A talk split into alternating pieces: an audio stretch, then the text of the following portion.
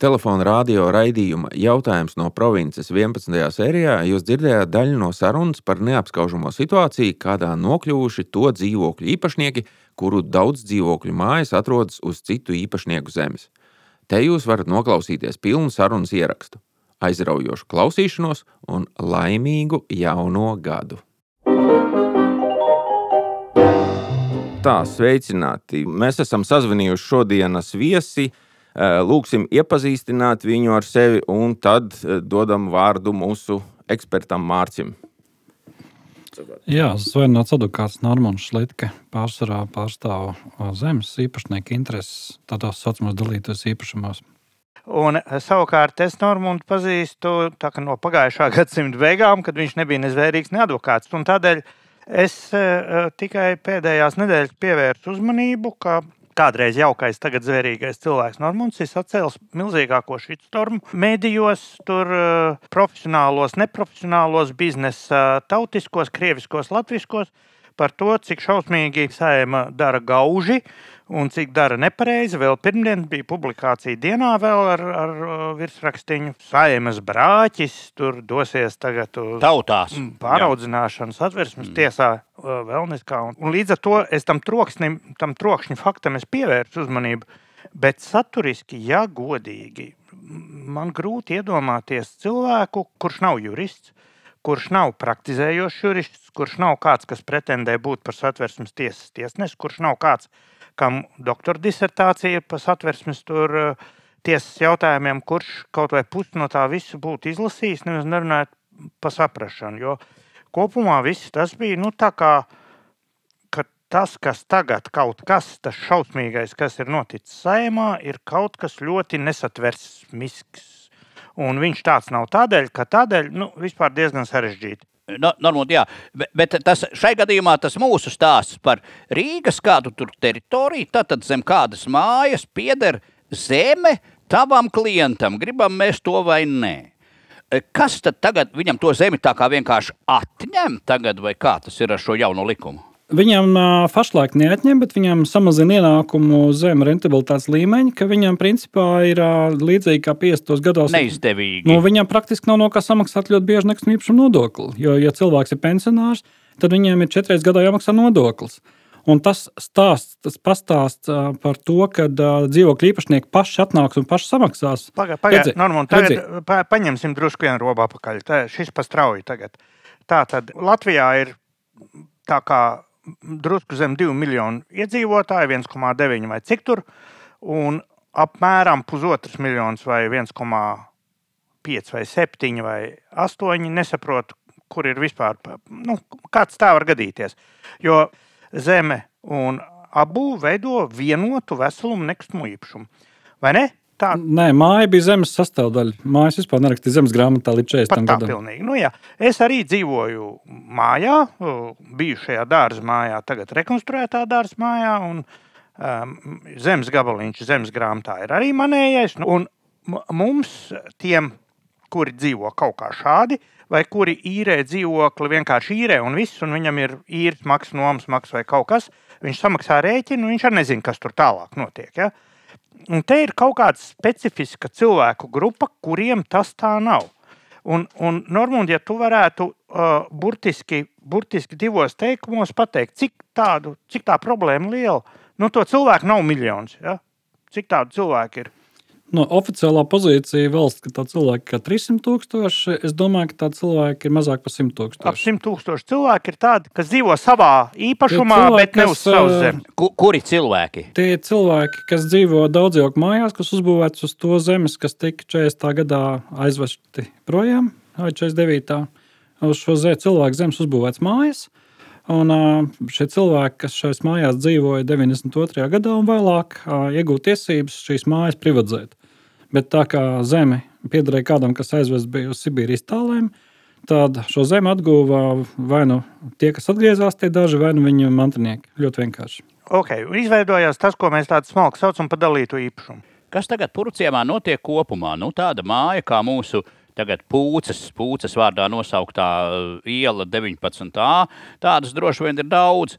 vai lielākā daļa to iemītnieku, tā kā kolāts ir, ir kā jau samaksājuši un izpirkuši savu mazo daļiņu, vai tāda ir mazākā daļa līdz šim Purc, brīdim? Purciemā pagājušajā gadā absolūtā strādnieka rajonā, kur bija kojām līdzīgas mājas, Raunas Kastrāns iela, kur pārsvarā visas ielas ir būvētas faktiski fabrikas strādniekiem. Raunas Kastrāns ielas turī izpirka zem 12 uzreiz mājām vienlaicīgi nesadalot zemes gabalu, nosfaltē uzreiz. To nevar salīdzināt, kā tas bija pirms Bet gada. tā kā vairums Tas izpērk, ir tas process, notiek. Nē, vairums neizpērk. Vairums šobrīd neizpērk, jo daļa gaida likumu. un Likums pašlaik saimā trešā lasījumā tika izskatīts, manuprāt, pagājušā nedēļa, lai varētu piespiedu kārtā izpirkt. Bet piespiedu kārtā nozīmē godīgi. Godīgi samaksāt katastrālo vērtību un pateikt zemes īpašniekam, ka zemes īpašnieks ir brīvs izsniegt ar speciālā procedūrā naudu un paziņot, ka tagad šī zeme pieder mājas īpašniekiem. Šis likums, ja nekļūdos, tad pagājušā nedēļa saimā pieņemts. Pagaidām, nu, bet te jau baigā laime tev nāko. Tev, tev atbrīvos no tava. No šīs te nu, no liekā īpašuma, kas no kā vispār tikai nelaime vien ceļās, ja īpašums kaut kāds. ne? Nu, redz, redz māca, bet uh, labā roka nezina, ko dara kreisā. 11. gadā, 11. gadā, tas pirms desmit gadiem, pieņēma lēmumu, ka nestoties uz to, ka 40. gadā māja bija zemes piedarums, 11. gadā Tieslietu ministrija nāca klāra iniciatīvu, ko apstiprināja faktiski visas nevalstiskās organizācijas. Kad zemes zem daudzdzīvokļu mājām gadījumā ir otrādi, mājoklis ir svētāks kaut kas par zemi, un līdz ar to mēs pagriežam pretēju virzienu, kad zeme ir šāda mājokļa piedarums, un šo zemi var nopirkt mājas iedzīvotāji, nevis māju var nopirkt zemes īpašnieks. Līdz ar to pagājuši desmit gadi Tieslietu ministra uzrakstījusi likumprojektu. Likumprojektā piedalījās desmitiem darbu grupu, visas pēczinātnieki, nosūta šo likumprojektu uz sājumu. Sājuma šo likumprojektu daļai izbrāķēja un uh, uzraksta pati savu likumprojektu. Un tālāk tas likumprojekts iet savu gaitu, kamēr beidzot pagājušā nedēļa tiek iztīrīta trešā lasījumā un nu nonāk prezidentam uz galda.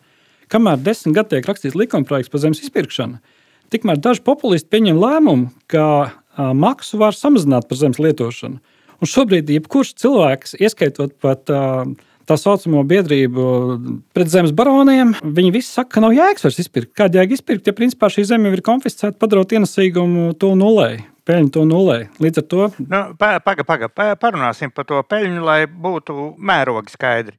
Tātad līdz šim Normons Šlitke zemes barons saviem klaušās paverdzinātiem dzimcilvēkiem izstādīja rēķinu, balstoties uz ko? Uz kadastru vērtību. Ja?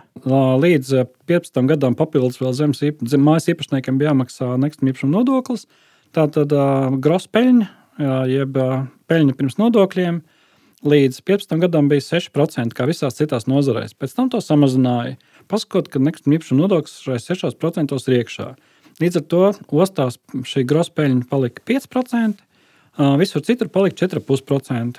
Vēlreiz uzsver, tas ir ienākums pirms nodokļiem un tehniskiem izdevumiem. Nu, nu, kāda tev izdevuma? Aizsūta rēķinu un mieras pareizi. Aizsūtīt rēķinu, un miers bija viena no tām smagākajām problēmām, ko Dzintars jau iezīmēja. Kam tu to rēķinu sūtīs? Tu nevari sūtīt rēķinu uz dzīvokli. Tev jāzina, ka tas dzīvoklis dzīvo īpašnieks, nevis īpašnieks nopirkt dzīvokli un dzīvo Bahamās. Tātad tev ir jānoskaidro īpašnieks un īpašnieka adrese, kas nozīmē ieskatīties zemes grāmatā. Ja mājā 90 dzīvokļi, 90 nodalījumos, katrā samaksājot 5 eiro.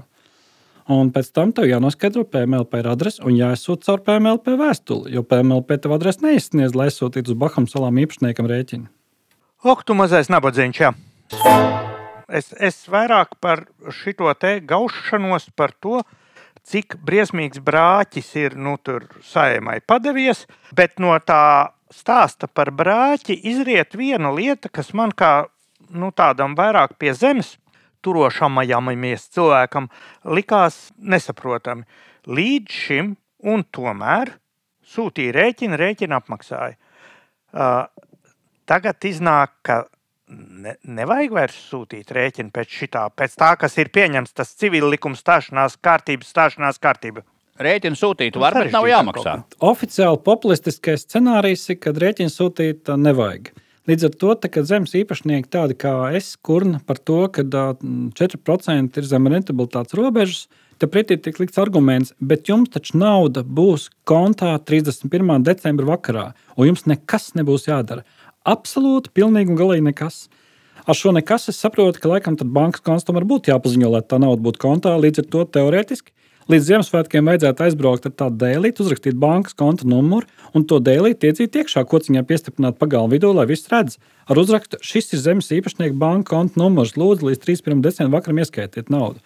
Tas, protams, ir smieklīgi, bet tā mums stāsta, un ne tikai stāsta, bet tā arī Tieslietu ministrija tulko šo likumu, kad šeit 4% ņemts vērā, ka zemes īpašniekam nebūs jādara nekas. Un ir uzsvērts, nedrīkst rakstīt rēķinu, nevajag rakstīt rēķinu. Tas ir Tieslietu ministrija tā to paģēra tagad, ja? Super. Jā, tā to skaidro, tā to skaidro, un tā paskaidro, kāpēc 4% un kāpēc nav nekāda iekasēšanas izdevuma, jo nebūs jādara okay. nekas. Un tā tad 31. decembrī nauda kontā notinkšķ, variants A, variants B, 1. janvāra rītā nauda nav notinkšķējusi. Ko dara barons Šlitke? Sliktais? Sliktais barons Šlitke tagad saka, tāds rīkojums, ka nedrīkst nodot parādu ārpusties piedzinējiem, nedrīkst attiecīgi sūtīt pretenzijas. Varons Litka saka, ka tas ir beidzies, jo tagad taču nav vairs noma. Līdz ar to Šlitka paņēma. A, kā, kā nav noma? A, kas tad ir? Nu, ir servitūts, reāls servitūts par maksu, kur naudai jābūt kontā. Pagaidām, pagaidām, pagaidām. Šis ir kaut kas. Žino vēl vienreiz, lūdzu. Seto mēs taču tirļus papadrobņēji. Bija noma. Jā, šo teikt pieņems, ka noma beidzās 31. decembra vakarā. 1. janvāra rītā vairs nav nomas. Ir reāls servitūts par maksu. Reāls servitūts ir kaut kas tāds. Un tā maksa ir jāmaksā eh, tam zemes īpašniekam. Jā, jā? Līdz, līdz 1. janvārim. Jā. Tad, tad iepriekš jau par katru kvartālu uz priekšu jāsamaksā zemes īpašniekam maksa. Un pašam jāprēķina. Katram dzīvokļu īpašniekam pašam ir jāiziet, jāaiziet, jāpaņem zemes kadastrālās vērtības tabele jāuzzina, cik mājai piesaistīta zeme, jāaiziet vai nu pie mājas pārvaldnieka vai pie kā. Un tālāk vai nu jāuztais kaut kāda biedrība mājā, kas rēķina, cik jāmaksā par šo servitūtu. Un pašam jānodrošina maksājums, jāuzzina zemes īpašnieki, ja vairāk zemes īpašnieki viņa konti. Ja viens zemes īpašnieks valsts vai pašvaldība, tad tur ir nākušos divus gadus atšķirīgas maksas. Ja kādam no zemes īpašniekiem spēkā ir spriedums vai tiesas lēmums, tad attiecīgi arī tas ir dzīvokļu īpašniekiem jākonstatē. Un katram dzīvokļu īpašniekam jānodrošina, ka viņa maksājuma daļiņa ir zemes īpašnieka kontā līdz 31. decembrim. Un, ja, ne, jā. nu, un ja viņš neko nedara, tad 1. janvāra rītā zemes īpašnieks nodod attiecīgi parādu ārpusties piedziņai, paziņo par ļaunprātīgu nemaksātāju, ja šī naudas summa sasniedz konkrētu lielumu. Un pasaka, ka viss šis konkrētā dzīvokļa īpašnieks var leduskapa līzingā pirkt nedrīkst, jo viņš ir ļaunprātīgs nemaksātājs. Paga, kādi ir tie naudas lielumi vēl vienreiz tiem uh, provinces uh, klausītājiem, kuri ir sveši, uh, kuriem sveši šī tāda ķezāšanās? Nu, cik, dzintri, cik tev bija jāmaksā baronam Šlitkam, kamēr tu nebija no viņa atpircies? Nebija nomas maksas. Labi, bet tam. ja būtu, Normūn, cik? Normūn, Viņa cik? vispār nebija.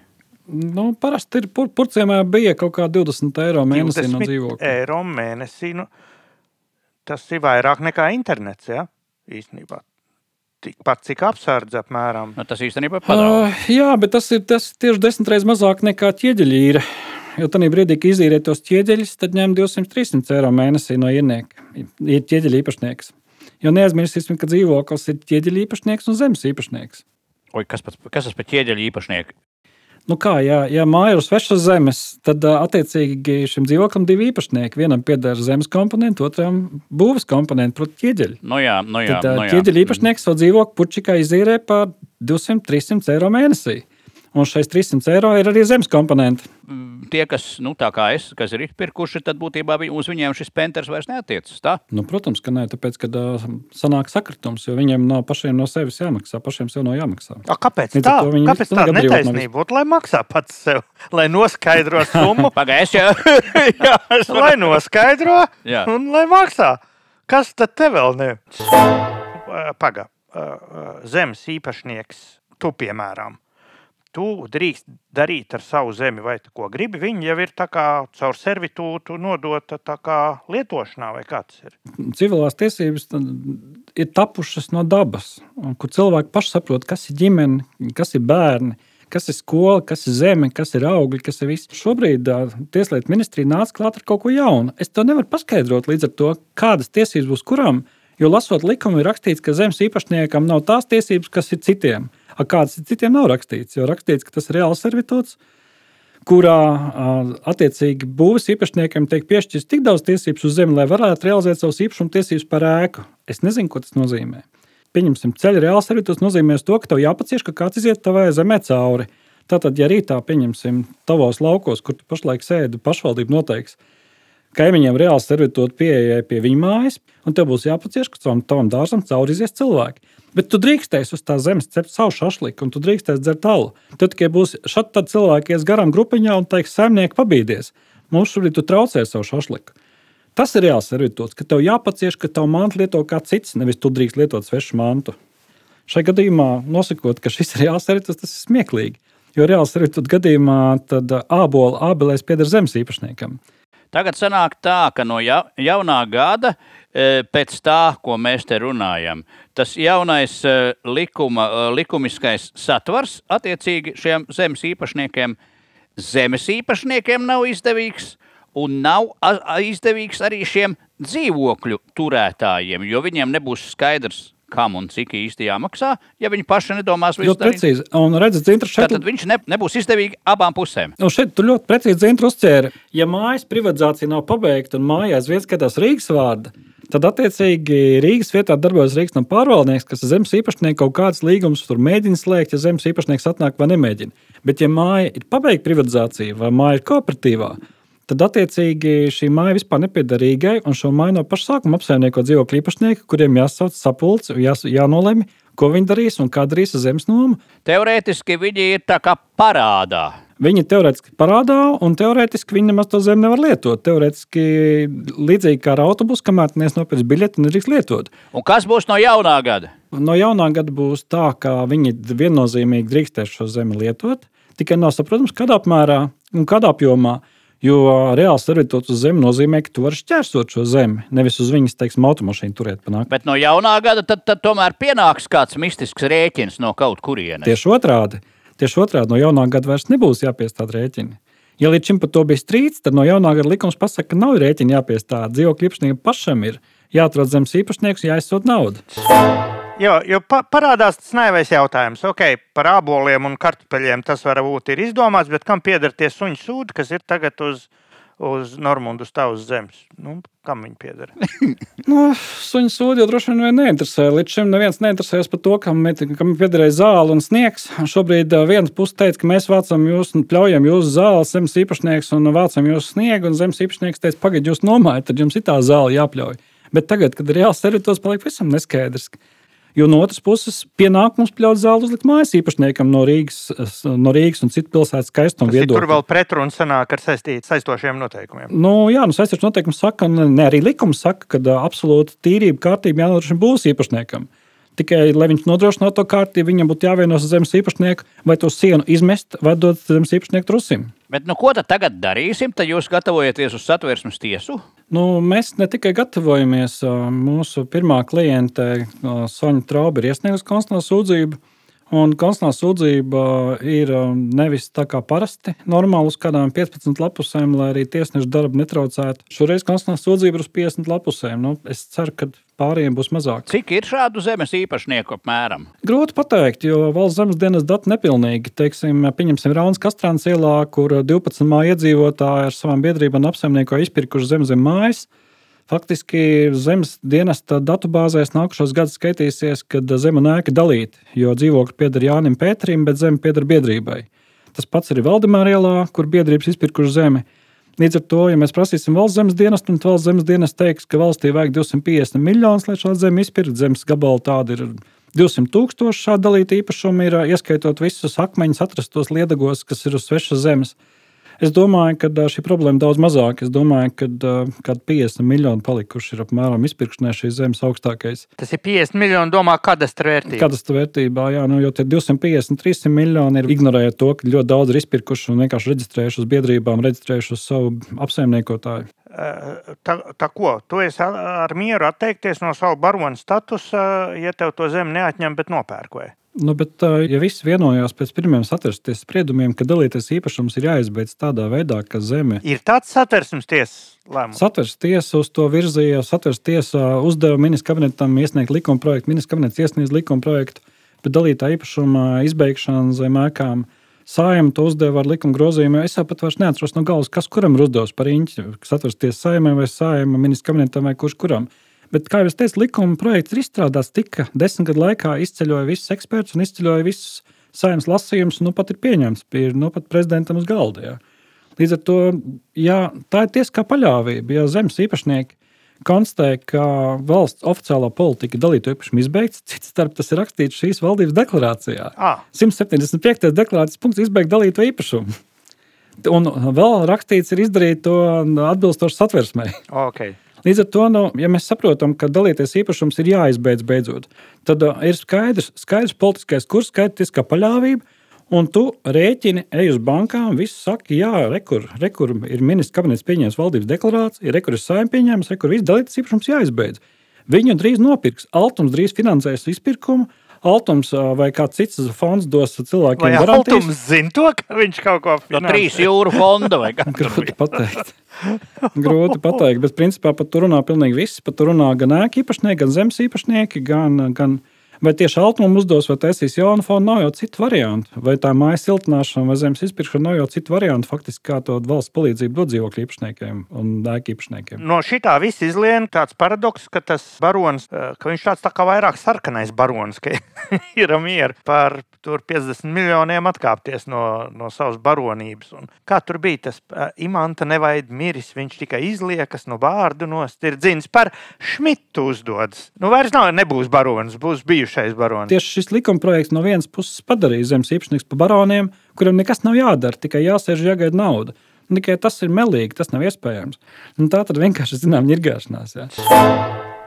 Labi, es, es tagad taisīsim čeklisti. E, e, e, Jūs zināt, senākā čeklisti pašlaik lietošanā, kas ir tāda 1700 gadu veca čekliste. Tēvreizes sauc. Nevis tēvreizes, bet ticības apliecinājums. Es ticu uz vienu vienīgu dievu, debesu un zemes rādītāju. Jā, nevar būt. Jā, ček, ejam tālāk. Nu, tā tad es taisu čeklisti, un Normons saka, jā, nevar būt. Tā tad likumdevējs ir pieņēmis likumu par 37. gada civila likuma spā, kaut kādas daļas spēkā stāšanās kārtības izmaiņām. Jā, Jā. yes. Caur to tagad mums mainās attiecības dalītā nekustamā īpašuma gadījumā, kad zeme un celtne uz tās pieder dažādiem īpašniekiem. Jā. Mainās. Līdz šim ostās bija personāla servitots, visur citur bija noma. Bija noma. Tagad nebūs personāla servitots ostās, un visur citur nebūs noma. Tātad noma nebūs sākot ar 1. janvāri. Tie, kas Noma, ja nav spēkā nomas līgums vai tiesas spriedums, vai zeme nepieder valstī, nebūs spēkā 1. janvāri. Ja zeme pieder valstī, noma nebūs spēkā pēc diviem gadiem, 24. gada 1. janvāri. Ok, tur ir vairāki čeki, tur ar vienu nepietiek. Labi. Tā tad mainīsies, kas nomas līguma vairs nav, un nav nomas līgumam pakārtota rēķina pār ā, piespiedu nomas maksu no 1. janvāra. Ja? Tieši tā, ja nav attiecīgs spēkā ne tiesas spriedums, ne noslēgts nomas līgums, tad jau 1. janvārī tā nomas vietā nāk reāls servitots.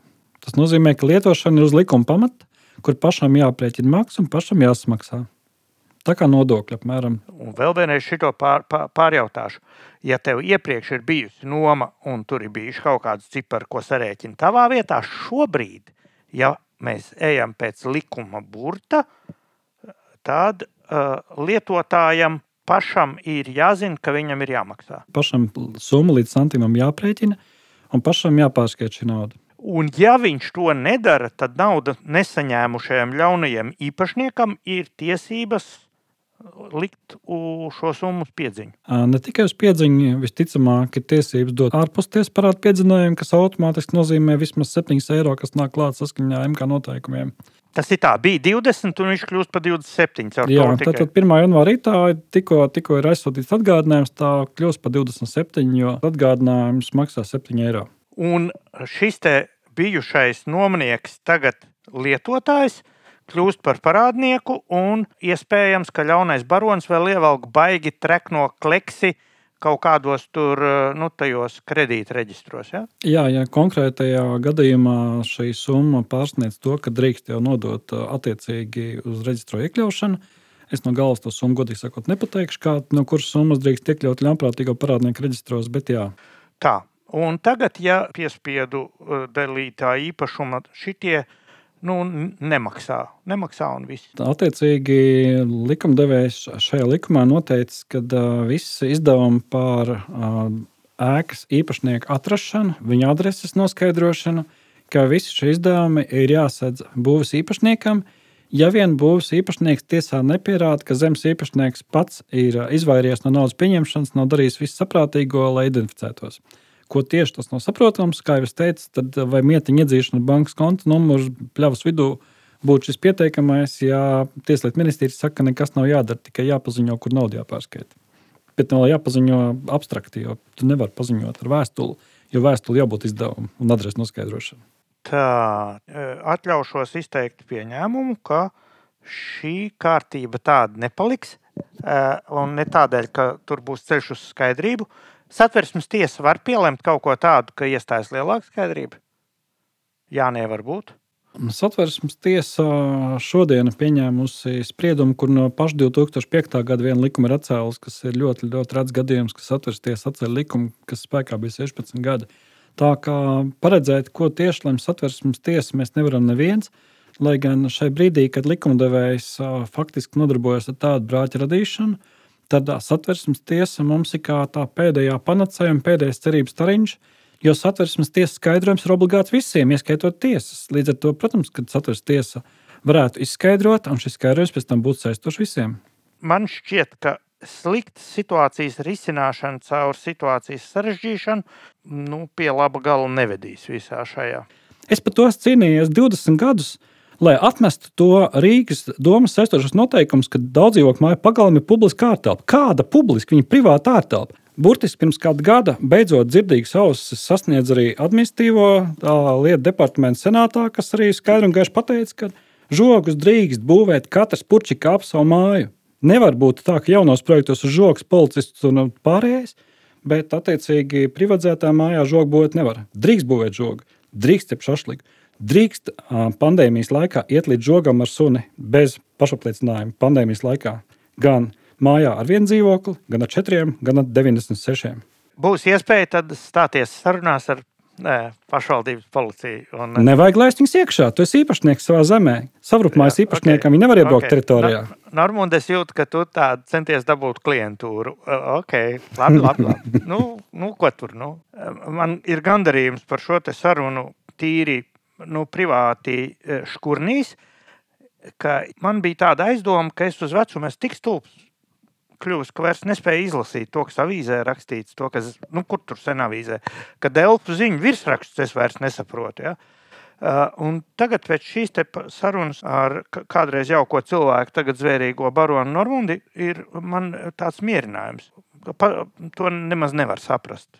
Nu, man nav sev ko pārmest. Man, man ir divi secinājumi. Viens ir, ka tur nostrādā atkal, kas tur ģēļcins, šito bija pirmais teicis, vai tas nāk jau no Krievijas sendienām, tas teiciens, ka ķēļi, ka kluči, višla, kā saka, Nē, tas bija, tas bija Černomirdins pie, à, Černobiļs. Jā, jā. Jā, jā. Nu, te ir tas tipiski un pat nevis kakšķek daba, bet hūže. Uh, un otrs, nu jā, tad būtībā zaudētājos paliek tie, kuri tā arī stīvējās un nesamaksāja to naudu, un ka es esmu pa piecām kapekām labākā pozīcijā. Ah! Nu, principā ir tāda pozīcija, jā, kad uh, arī, arī faktiski arī Tieslietu ministrija to norāda, ka ņemot vērā katastrālā vērtība visticamāk celsies. Mēs, protams, nevaram pateikt, ko darīs satversties, bet nu, vissliktākais miers ir labāks par vislabāko karu, un, un Dzintrs ir šo pierādījis. Nē, vislabāk ir senā latviešu gudrība, kas bez biksēm, tas bez bēdām. Tas ir arī tas, bet klausies, es beigās arī paliku labais, kas bija galvenais šī raidījuma pienesums. Pilnīgi neticami. Labi, Normand, paldies par paskaidrošanu, lai arī lielāko daļu es nesapratu. Vismaz varbūt būsim padomājuši par to, ka šī valdība nav e, e, debīla tikai pa vienu punktu vai pa vienu līniju. Viņi izrāda teiksim, savu, savu produktivitāti e, nesaprotamu lietu ražošanā dažādās frontēs, un tas varētu būt mums mierinājums. Mums visiem, nu, šīs valsts e, vēlētājiem un vēl jau vairāk politikas komentētājiem. Ok, laidīsim Normūnu mājās, lai viņš var izsteidzināt savu sunu. paldies, paldies!